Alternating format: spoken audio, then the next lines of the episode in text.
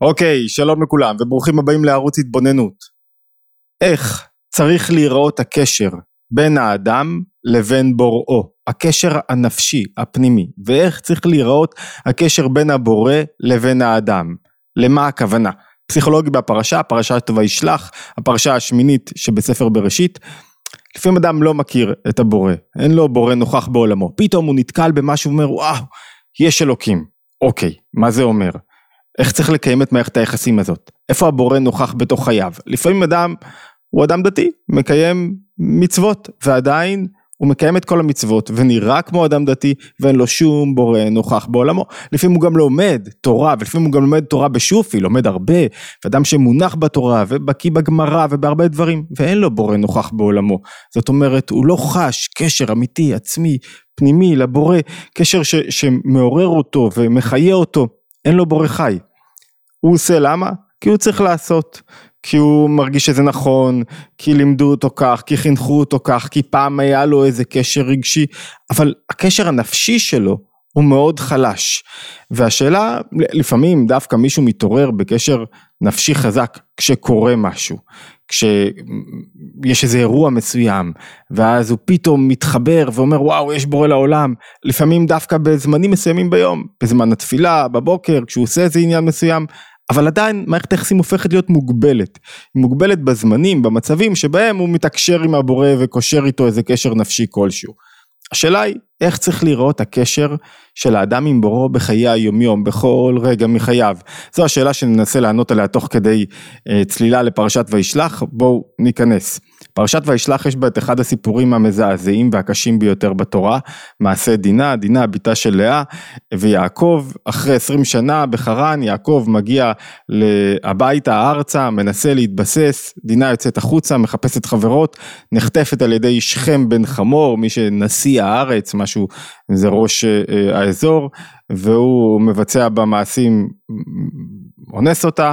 אה, ולאחר מכן הוא רוצה, אחרי שהוא עושה את זה, הוא רוצה לחזור, הוא פוגש את, את אחיה והוא רוצה לחזור ולקיים, לשאת אותה לאישה, להכניס אותה לביתו, ל, ל, ל, לקיים עכשיו מערכת יחסים תקינה, זאת אומרת להתקשר עם דינה. והסיפור, כולם מכירים את ההמשך, שמעון ולוי, בני יעקב, שומעים על כך, הם בעורמה מחייבים את, אה, את שכם בן חמור וכל אנשיו אה, לבצע ברית מילה וכשהם בתוך כאבי הברית מילה הם אה, הורגים את שכם וחמור פולשים עליהם כמו את כל יתר הגברים ואת הנשים והילדים לוקחים בשבי סיפור שלם. ובתוך הסיפור הזה אני רוצה לגעת בנקודה אחת. נקודה אחת ש, שמעוררת המון מחשבה לגבי החיים שלנו. אני מזכיר לכם שלמדים המון דברים מהסיפור הזה, אפילו למדים למה חוגגים בר מצווה דווקא בגיל 13, למה אדם נקרא איש בגיל 13, אז אומר הרמב"ם ויש עוד כמה דעות, שדווקא שבני יעקב אחיה של דינה לקחו איש חרבו הם דווקא לקחו את זה בגיל 13 שנה ולכן משם אנחנו לומדים מתי חוגגים בר מצווה בגיל 13. מתי, ויש עוד היבטים לעניין לא ניכנס אליו. אני רוצה לגעת בנקודה אחת, בפסוק אחד עם, אה, איזה רפרנס מסוים שמעורר אותנו למחשבה. דינה יוצאת לראות את, השל, בבנות, לפגוש את בנות הארץ, רואה אותה שכם בן חמור, אני נכנס לתוך הפרשה, שכם בן חמור אחיבי, נשיא הארץ, ייקח אותה, ישכב אותה וינע, ואז מובא איזה פסוק יוצא דופן, ותדבק נפשו בדינה. זאת אומרת, תדבק נפשו בדינה, מה זה אומר? משהו בו מתעורר כלפיה הרבה יותר חזק. זאת אומרת, אם הייתה, בדרך כלל זה, זה נראה כהפוך, כי מישהו יש לו התעוררות, בצורה מאוד, אה, ננסה לעשות את זה בעדינות, יש לו התעוררות, אחר מכן הוא ביצע את זממו הסוטה, הנורא והאיום, ועינה את נפש אה, הנערה, ולאחר מכן הוא כבר לא רוצה לראות אותה. כאן המהלך הוא הפוך. אחרי שהוא עשה את הדבר הנורא ביותר שאפשר, ופגע לה בנפש, תדבק נפשו בדינה בת יעקב, ויאהב את הנערה, וידבר על לב הנערה, זאת אומרת הוא כל כולו נמשך אליה, בעוצמה הרבה יותר גדולה ממה שהייתה קודם לכן, וכששכם מדבר, אה, כשחמור מדבר עם, עם אה, יעקב ובניו, ובני יעקב, הוא אומר להם, וידבר חמור איתם לאמור, שכם, שכם בני חשקה נפשו, בבטחם, עד כדי כך, הוא מאוד רוצה אותה, יש בה חשק, יש בו משהו מאוד משמעותי. ו- ואחרי שבני יעקב מבקשים או דורשים מחמור ומכל מכל אנשיו למול את עצמם, הוא אומר, לא איחר שכם לעשות את הדבר, לבצע את ברית המילה, כי חפץ בבת יעקב. זאת אומרת, יש לנו פה ארבעה, חמישה ביטויים מאוד עוצמתיים, ביטויי אהבה, שאתה שואל את עצמך למה התורה מביאה אותם, מה המשמעות שלהם, ותדבק נפשו, ויאהב את הנערה, וידבר על ליבה, חשקה נפשו של שכם בנערה, וחפצו בה. חמישה ביטויים שהם מבטאים אהבה בעוצמה כל כך גבוהה שאתה מוצא אהבה, ביטויים כאלה של אהבה, כאילו לא בהקשר של אונס כל כך קשה, כל כך מזעזע, שזה כל מי שהורה זה הדבר שהוא הכי מפחד ממנו בעולם. יותר מוזר מזה, בואו ניכנס רגע לאחד המדרשים, בראשית רבה, אומר המדרש ככה, ריש לקיש, אני מזכיר לכם מי היה ריש לקיש, ריש לקיש היה מנהיג כנופיית לוחמים שהשתנה והפך להיות בר פלוגתא של רבי יוחנן ואחד מגדולי חכמי ישראל והוא ידע מה זה מעשים קשים ורעים והוא אומר כך, הוא אומר בתוך המדרש, בשלושה לשונות של חיבה זוכרים מה השאלה שלנו? מה הקשר שצריך להיות לאדם לבורו, הקשר הנפשי הנכון, ואיך צריך לעבוד על הקשר הזה ומה הוא בנוי. והוא אומר כך, בשלושה לשונות של חיבה, חיבב הקדוש ברוך הוא את ישראל. שלושה לשונות, זאת אומרת שלושה דרכים, ביטויים שהקדוש ברוך הוא מגלה את אהבתו ואת את הקשר העמוק שלו לבני, לעם ישראל. דבקה, חשקה וחפצה. דבקה והוא מביא פה ציטוטים ואתם הדבקים בהשם, בחשקה לא מרובכם מכל העמים, בחפצה וכולי, ואנחנו מאיפה ללמדים שהקדוש ברוך הוא מדבר בשלושה לשונות של חיבה אל, אל, אל ישראל, אנו למדים אותה מפרשה של רשע הזה. זאת אומרת, את הקשר הגדול ביותר, העוצמתי ביותר, של הקדוש ברוך הוא, אליי, אל עם ישראל, הוא מגלה איפה? דרך הפרשה של הרשע הזה. כי כתוב בפרשה, בדבקה ותדבק נפשו, בחשקה שכם בני חשקה נפשו בביתכם, בחפצה כי חפץ בבת יעקב. ומוסיף, אני מזכיר לכם, ריש לקיש, דווקא הוא אומר את זה, מוסיף רבי אבא בר אלישע, מוסיף לא, ויש פה עוד שני ביטויים, זוכרים שמצאנו חמישה ביטויים של חיבור, בין, של חיבור, אהבה, חשקה, דבקה, של שכם בן חמור לדינה. מה עוד הוא מוסיף? יש גם אהבה ודיבור, באהבה אהבתי אתכם, בדיבור דברו על ירושלים, ואנו למדים גם את זה, גם את האהבה ואת הדיבור מפרשתו של רשע זה, שיואב את הנערה וידבר על הנערה, ויש פירושים שמסבירים מה זה דיבר, אומר לה, אני, אה, אני אשיר, אני אתן לך וכולי, ואני אפנק אותך, וננסה למשוך את ליבה אחרי שהוא עשה מה שעשה, עכשיו הוא רוצה לרצות אותה. מה הולך כאן? יש כאן ש, שני מהלכים שאנחנו צריכים לתפוס, שני מהלכים שהם שהם שונים זה מזה, אבל הם מתחברים. מהלך אחד זה אומרים לנו במפורש, המדרש, כדי להבין את הקשר עם הקדוש ברוך הוא, כדי להבין איך הוא מחובר אלינו, ותכף נראה גם איך אנחנו מחוברים אליו, בקשר נפשי פנימי, צריכים להבין מה זה דבקה, חשקה, חפצה, אהבה ודיבור, צריכים להבין את הרבדים של הקשר הזה, מה הם אומרים, מה הם אומרים בזוגיות, מה הם אומרים בקשר עם הקדוש ברוך הוא, מתוך ההבנה שלהם נבין איך האדם שרוצה להיות מחובר לבוראו, צריך להתנהל בחיי היום יום, מבחינה נפשית רגשית. והשאלה השנייה, שהיא המטרידה גם, מה? אתם אמיתיים? את כל הקשר הנשגב, הגבוה, הנעלה הזה, המרומם הזה, אנחנו לומדים מאיפה? מהקשר של, מאותו רשע? ממה שאותו עשה אותו רשע, מהקשר שלו לקורבן, לקורבן אונס, זה, זה הרי מזוויע בכלל לחשוב על זה. זה, זה, זה כל כך קשה. כדי להבין את זה, צריכים להיכנס לספרות הקבלה. ואני רוצה ללמוד היום איתכם אה, קטע, הוא מאוד ארוך, ננסה לתמצת אותו. כרגיל, המקורות יעלו לאתר התבוננות, יש לינק מתחת לסרטון, וכדאי להסתכל במקורות. אמ, וכמובן, אם כבר עצרתי, אז אם אתם איתנו ולומדים ואוהבים את הצלילה לתוך תורת הנפש היהודית, אתם מוזמנים להצטרף לערוץ, לקבוצות הוואטסאפ וללימודים המיוחדים שיש לנו דרך אתר התבוננות.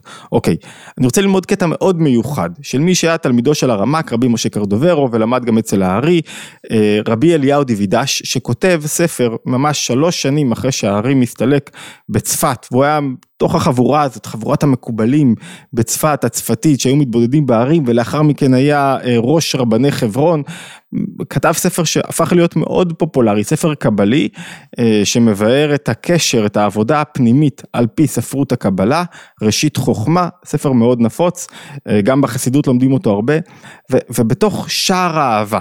איזה מילה נפלאה, שער האהבה, כמובן שער האהבה של האדם לבורו, הקשר הרגשי, הנפשי של האדם לבורו, הוא עוסק בסיפור הזה, ובאריכות, ממש באריכות, בעמודים רבים, וכדי להבין את הסיפור הזה, אמרנו אנחנו צריכים ללכת ללכת בשני מהלכים צריכים להבין, שתי שאלות מרכזיות עומדות לנו כאן, אחת אני חוזר עליה, מה זאת אומרת הדבקה, החפצה, ההתרגשות, מה, מה, כל הביטויים יוצאי הדופן שמובאים בתורה כדי ללמד אותנו על הקשר של שכם בן חמור לדינה, מה זה בית אחד ושתיים, למה דווקא ממנו אנחנו למדים על הקשר הגבוה, על איך צריך להיות להתקשר לבורא, איך צריך לחוש כלפיו, איך צריך לפתח קשר רגשי, זה הרי לא נתפס בכלל.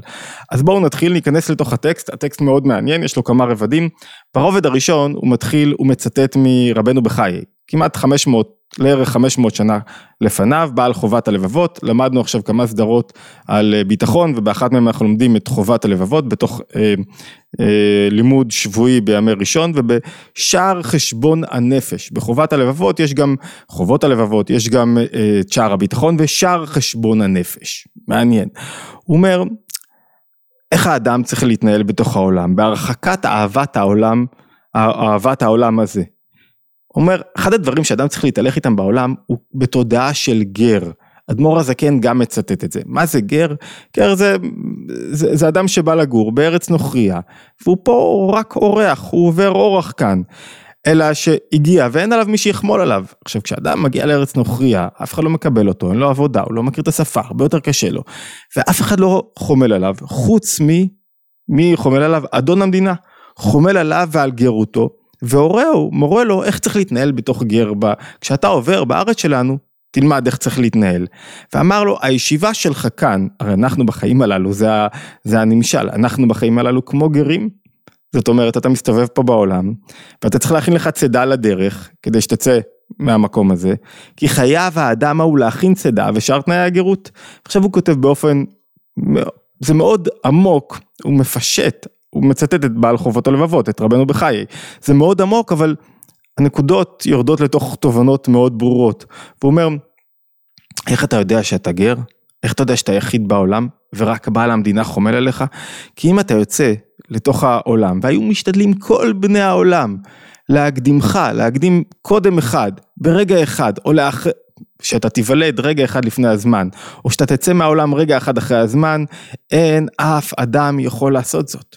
אתה לא תלוי באף אדם, וכן אף אדם לא יכול להביא אליך מזון, אתה לא תלוי בפרנסה באף אחד, ואף אחד לא יכול לגרום לך, גם אם כל העולם היה ריק ואתה היית פה לבד, לא היה מוסיף במזונך המגיע אליך אפילו כשיעור חרדל, וגם אם היו נוספים כפליים לכמות האנשים שגרים בעולם, לא היה חסר לך מהפרנסה שלך וממה שאתה צריך לקבל בדיוק, אני מצטט, לא היה חסר לך מתרפך, מתרפך הנגזר לך כחרדל פחות ממנו ולא יותר. וכן, לא יוכל אחד מן הברואים להועיל לך או להזיק לך. פה זה אחת הנקודות הקשות ביותר להבנה, היא נקודה יסודית בספרות החסידות והקבלה, והיא נקודה יסודית במחשבה היהודית, שהיא אומרת דבר כזה, אני אגיד אותה בקצרה, אנחנו לא נעמיק בה, נקודה מאוד חזקה, היא אומרת, אף אחד לא יכול לפגוע בך, ואף אחד לא יכול להועיל לך, מי? חוץ מאדון המדינה. והנקודה הזאת קשה, כי אתה אומר, רגע, מה, ההוא לא יכול להזיק לי? מה, ההוא לא יכול לפגוע בי? מה, והנקודה שאף אחד לא יכול לפגוע בך אם אתה עושה את העבודה שלך עצמך. אחת הנקודות הכי חזקות בהבנת העולם, למה? כי יש בורא נוכח שמעצב כל רגע. נכון שמי שפגע בך הוא עכשיו המחבל שעשה את, את, את הדבר הקשה, בו צריך לפגוע, להעניש אותו, זה שצריך להעניש אותו זה עוד רובד, בוודאי, וצריך לשמור על עצמך ולעשות כלי, בוודאי, אבל זה לא ממנו בסופו של דבר. זו נקודה מאוד קשה, אבל אנחנו חוזרים עליה בקצרה כדי להסביר את הנקודה שמה מה מספר לנו בעל ראשית חוכמה. אתה בעולם, למי אתה חייב חשבון? רק לאדון המדינה, לא לאף אחד אחר, ורק איתו אתה צריך ליצור קשר אמיתי. והוא מוסיף עוד כמה היבטים ואז הוא אומר, אם כן, איזה יחס בינך ובין הברואים? מה אתה, מה אתה מרצה אנשים אחרים? ראינו את זה גם בשער הביטחון, שאחד ההיבטים הגדולים ביותר של ביטחון, שאתה לא צריך לרצות אף אחד, ואתה לא צריך לדבר דברי חנופה, ואתה לא צריך לחכות לתשומת לב מאנשים אחרים, כי אתה לא תלוי בהם. אתה לא תלוי בהם, אתה צריך לעשות את מה שאתה צריך לעשות. הוא אומר, איזה יחס בינך ובין הברואים? מה, אתה צריך להיות נחמד? למה להיות נחמד? כי זה חלק מהחובה שלך בעולם. אבל באיזה קרבה אתה קרוב אליהם? או הם קרובים אליך. ואתה בעולם הזה כאסור, הם לא יכולים להועיל לך, אף אחד לא יכול להועיל לך, אף אחד לא, יזיק, לא יכול להזיק לך חוץ מאדון המדינה. ועל כן, התייחד אחי בעבודתו, מציע לך, מצטט ראשית חוכמה, וקבל תנאי הגרות. וקיצרתי מקצת לשונו, לשונו של בעל חובת הלבבות ארוכה יותר, מה שאינו צורך על כוונתנו. ואז הוא אומר, הכוונה בגרות זה שהאדם יפשוט אהבת העולם הזה מליבו. פה יש לנו רמז למשהו מאוד עמוק. יפשוט אהבת העולם הזה מליבו, ויחשוב איך הוא דבק בקדוש ברוך הוא. אם אני מזכיר לכם לרגע אחד את הרמב"ם, שהרמב"ם אומר בהלכות תשובה, הלשון שלו כל כך חזקה, אומר ככה, כשאדם עובד את בורו, איך זה צריך להיראות? הוא צריך לעבוד לא בגלל אינטרס כלשהו, ולא בגלל שהוא מחכה למשהו, אלא אהבה הראויה, כיצד היא האהבה הראויה? כך שואל הרמב"ם. שיאהב את הקדוש ברוך הוא אהבה גדולה, יתרה, עזה מאוד, עד שתהא נפשו קשורה באהבת השם, ונמצא שוגה בה תמיד, כאילו הוא חולה חולי אהבה, אדם בכל רגע מחייו, לא ברגעים מסוימים, צריך להתהלך כמו חולה אהבה, הוא אומר, אתם יודעים מה זה חולה אהבה? שאין דעתו פנויה מאותה אישה, כשמישהו מאוהב, בכל גיל, צעיר או מבוגר, מאוהב במישהו אחר, אתה כאילו רק חושב על זה. מנסה להגיד לנו שלימדו אותך אהבת אישה וקשר והתרגשות, תכף נראה את זה בלשון המקובלים עצמם, כדי שתלמד איך אתה יכול לעשות התרמה, התמרה של הקשר הזה, לחבר אותו ולגלות קשר הרבה יותר גבוה. למי שממנו אדון המדינה. שאין דעתו פנויה מאהבת אותה אישה והוא שוגה בה תמיד, אומר הרמב"ם, בין בשבטו, בין בקומו, בין בשעה שהוא אוכל ושותה. יתר מזה, תהיה אהבת השם בלב אוהביו, שוגים בה תמיד כמו שציווינו בכל לבבך ובכל נפשך וכולי. זאת אומרת, יש משהו מסוים בתיאור של אהבת, ננסח את זה ככה, יש משהו מסוים בתיאור של אהבת אותו רשע, שכם בן חמור, לדינה, שמלמד אותנו על המשיכה של האדם לעולם הזה. יש לו משיכה מאוד חזקה לעניינים, לכל אחד יש משיכה, לכסף, לתאוות, לאכילה, ללחיות, לפינוקים, יש לנו המון משיכות. מה אומרים לנו פה הרמב"ם ובעל חובת הלבבות ו- וראשית חוכמה? אומרים לנו שאתה למד מהעוצמת המשיכה שלך לתוך העולם הזה, לגבי עוצמת המשיכה. והקשר והחיבור שצריך להיות לך לבורא.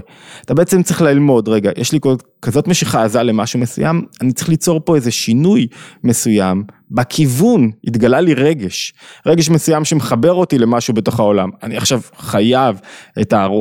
את המזון הזה בדיוק, את התאווה הזאת בדיוק, כאן מדובר על תאווה מינית. אני חייב דווקא אותה, תלמד איך אתה מצליח להסב את הקשר הזה, לשנות אותו. ולהגביה אותו לקשר לקדוש ברוך הוא. הדבר הבא שנלמד זה איך זה פועל בדיוק, מה הטכניקה, אבל לפני זה אני רוצה להביא משל שמצטט ראשית חוכמה, משל מאוד יפה שמצטט מאוד יפה, מאוד מוזר, אבל מצטט ראשית חוכמה דווקא מ... אמ, אמ, מהרב יצחק דמן עכו, הרב יצחק ראש שהיה רב של עכו, כתב כמה ספרים אה, שלא שרדו, והוא אומר ככה, זה המשל שהוא משתמש בו, בערך 200 שנה קודם לכן. יום אחד, יום מן הימים, יצא בת מלך, בת המלך מבית המרחץ, וראה אותה איש מיושב קרנות. למשל מנסה להביא, לספר לנו את הטרנספורמציה שאתה צריך לעשות בנפש שלך, מי שיש לך איזה משיכה למישהי, מישהי פה זה יכול להיות כל היבט של משיכה לענייני העולם, משיכה לקורבנות, משיכה לכל דבר שבהם בעצם אני רוצה לקבל לעצמי. והוא אומר, ושאתה, כאילו אתה במרכז, כי אתה רוצה לקחת לעצמך משהו מסוים, משהו גשמי, משהו חומרי, משהו, משהו רגשי ממישהו מסוים. הוא אומר, יצא בת מלך מן המרחץ, רואה אותה איש יושב קרנות. והוא, יש לו הנחה גדולה וינח הנחה גדולה, ואומר, מי ייתן אותה ברשותי?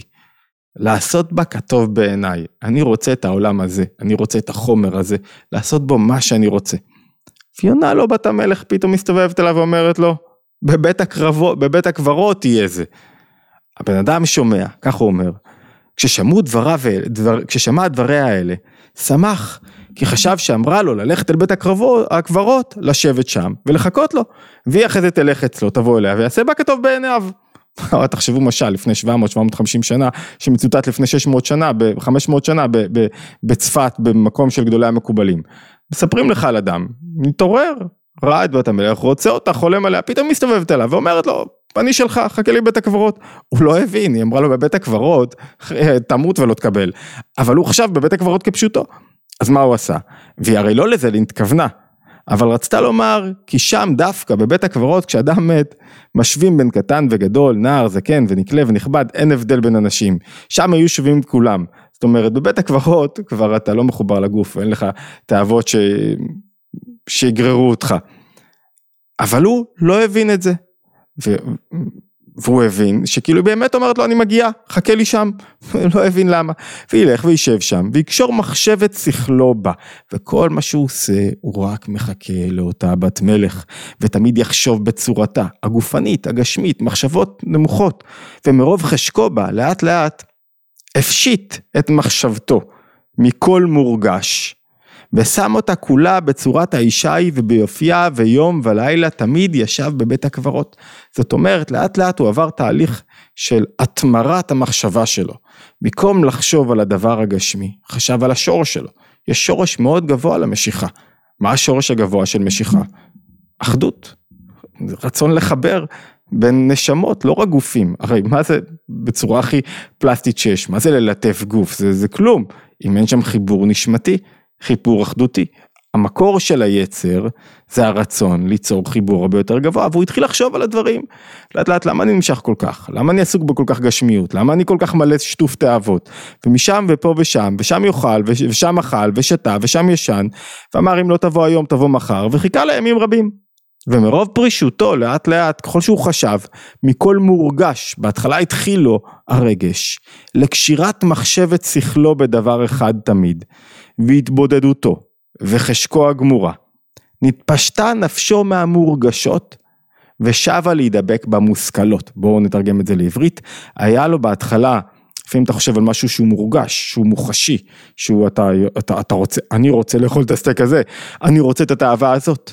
ככל שאתה אדם שלוקח קצת זמן להתבונן ורוצה להתעלות, אתה שואל רגע, מה הוא מורכב? למה אני כל כך נמשך? מאיפה זה בא? סליחה, אתה עובר מהמורגשות למושכלות. ואז אתה מתחיל לתפוס את העומק הרעיוני, הפנימי של הדברים. מי שחי רק בעולם הגשמי, הוא, הוא, הוא, הוא כאילו חי את החיצוניות של הדברים, את הרובד המאוד מאוד מאוד נמוך של החיים. עד שמכל מורגש, מה קורה? נתפשטה אפילו מהאישה, אני רוצה להתחבר לאנשים, אני כבר לא צריך את היצר המיני, אני לא צריך את העניין הגופני. אני, אני, האישה עבורי היא חיבור, לזולת, היא קשר, רצון למצוא אחדות, ונדב, ונדבק במי? בשם אלוקיו, שזה האחדות האמיתית. עד שלימים מועטים פשטה מכל מורגש וחשקה במושכל האלוקי, ולאט לאט שב להיות עובד שלם. פתאום הוא קלט, רגע, מאיפה המשיכה הגדולה באה? המשיכה הכי גדולה, התענוג הכי גדול בחיים, של קשר עם האינסוף, קשר עם הבורא, עם האינסוף שמופיע בתוך עולם סופי ומוגבל. והקשר הזה לאט לאט גילה אותו בתוך בית הקברות, ממחשבות זימה נוראיות, הפך את המורגש למושכל ולמושכל אלוקי, ופתאום הוא קלט שזו האהבה האמיתית שלו.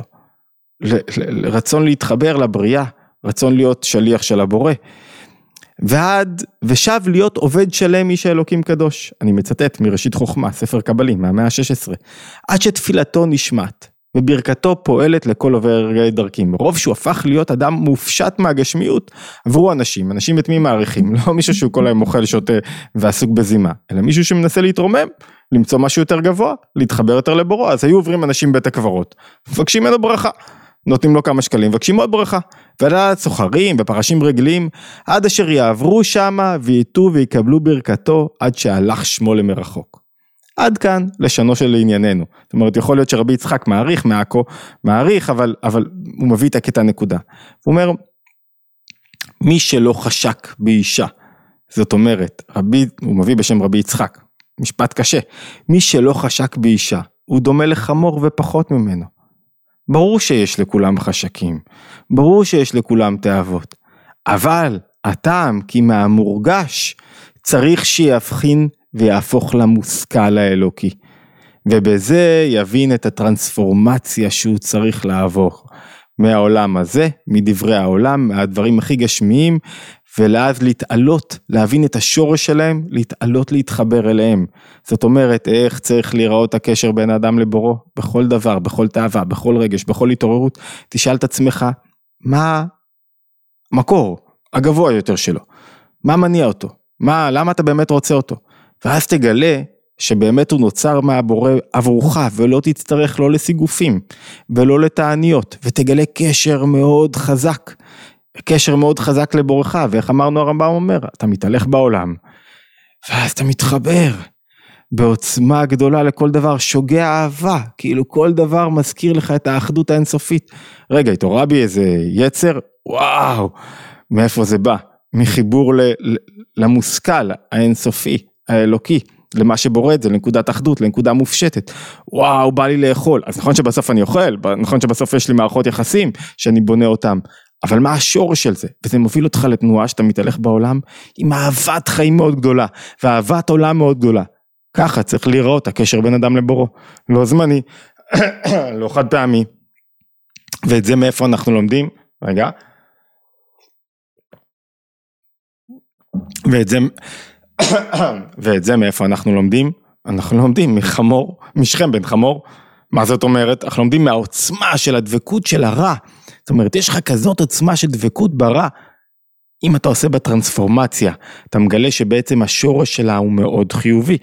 מסביר, מסביר בעל התניא ומוסבר הבני שכר ובעוד מקומות מוסבר אמ, שלכל אדם יש זה לעומת זה עשה אלוקים.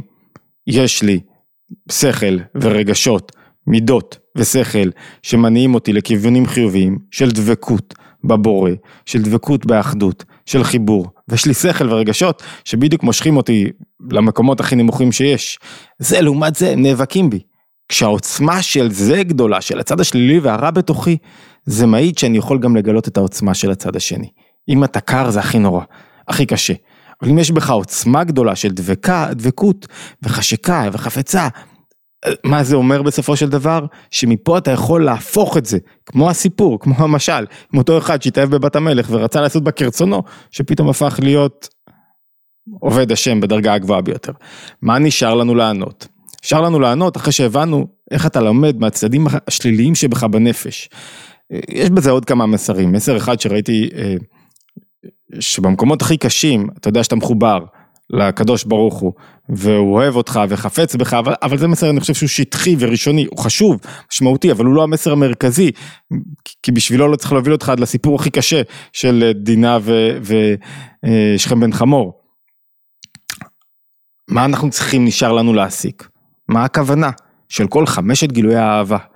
אז פה מספר לנו עכשיו בעל הראשית חוכמה ואומר לנו, יש סוד מאוד גדול כדי להבין למה משתמשים בכל המושגים הללו, איך השתמשנו במושגים, אמרנו אה, דבקות, הנה אני מצטט לכם, דבקות וחשקה וחפצה ואהבה ודיבור, כדי להשתמש במושגים הללו צריך להבין סוד אחד, אומר אה, רבי אליהו דיווידש, אומר כך, אומר יש דבר שנקרא סוד הנשיקין, כי עד עכשיו דיברנו על האופן שבו המדרש שאני מזכיר לכם מדבר, האופן שבו הקדוש ברוך הוא אוהב אותך ומחובר אליך.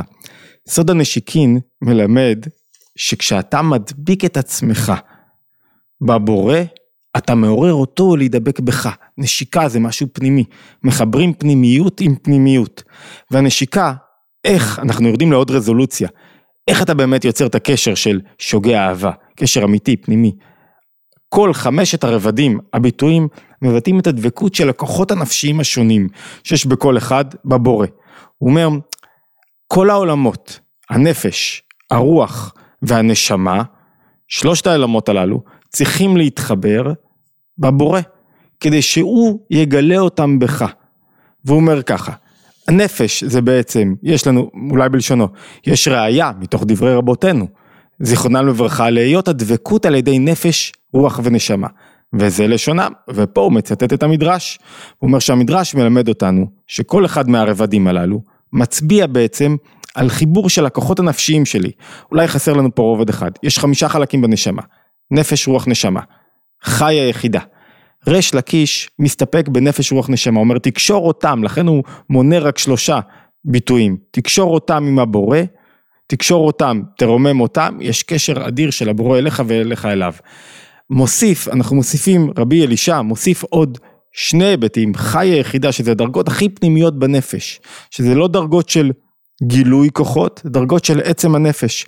הוא אומר גם בהם אתה יכול לדבוק בבורך. נפש, רוח, נשמה, חי היחידה. זאת אומרת, שחמשת הביטויים, בואו נסכם לנו מה שאמרנו עד עכשיו, למי שזה היה קצת צינית, מי שבקיא זה ברור. חמשת ביטויי האהבה של שכם בן חמור לדינה, הם גם גילויים של חמשת כוחות הנפש שבהם נדבק האדם בבורו והבורא בנו.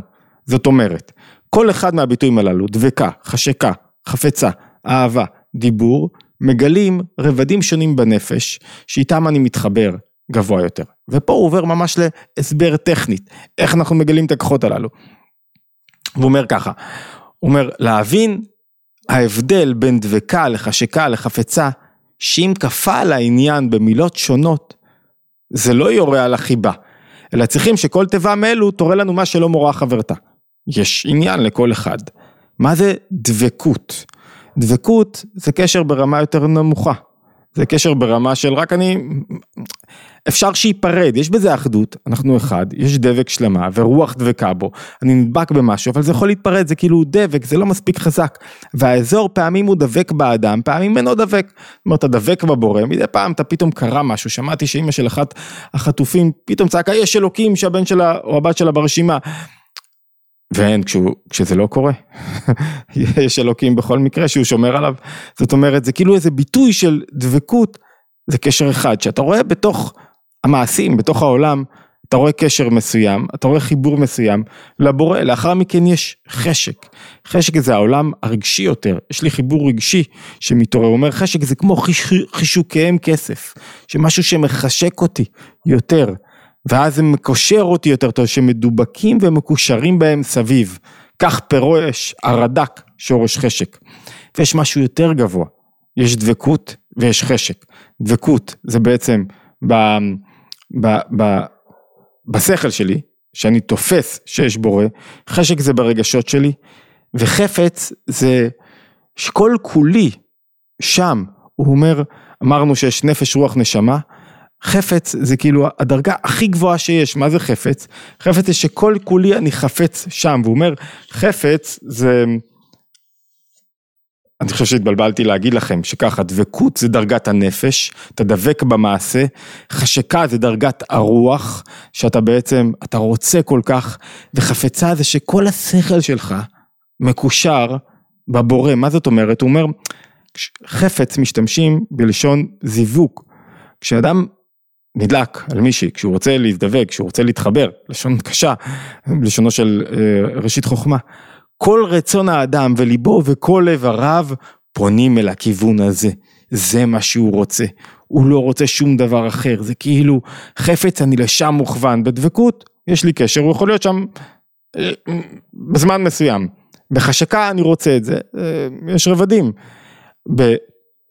בחפץ זה כל מה שאני רוצה. וזה החיבור הגבוה ביותר שיכול להתגלות. זאת אומרת אומר לנו בעל הראשית חוכמה אדם צריך לקשר את עולם המעשה שלו. במעשה שלו למצוא בכל דבר אלוקות. זה דבקות. בכל דבר שיש בורא שבאמת נותן לו להבין שכל מה שקורה קורה לטובתו להבין את הדבקות הזאת. אחרי זה הוא אומר שיש גם בעולם הרגשי שלו. הוא צריך לקום בבוקר כשהוא מודה וואו איזה התרגשות איך הוא מתרומם. כל דבר הוא צריך לראות שיש בורא שאוהב אותו ולכן הוא אוהב חזרה. דרגה נוספת הוא צריך שכל מטרתו, כל חשיבתו, למצוא את נקודת האחדות והחיבור האינסופי לבורא בכל דבר שהוא עושה. זאת אומרת זה החפץ הגדול שבו הוא מתעורר. וככל שאנחנו רואים שעד כדי כך היה חמור, זה מה שהוא רוצה, אלא שחמור הפך את הסדר. זה מה שהוא באמת רצה, דבקות ו- ו- וחשק וחפץ.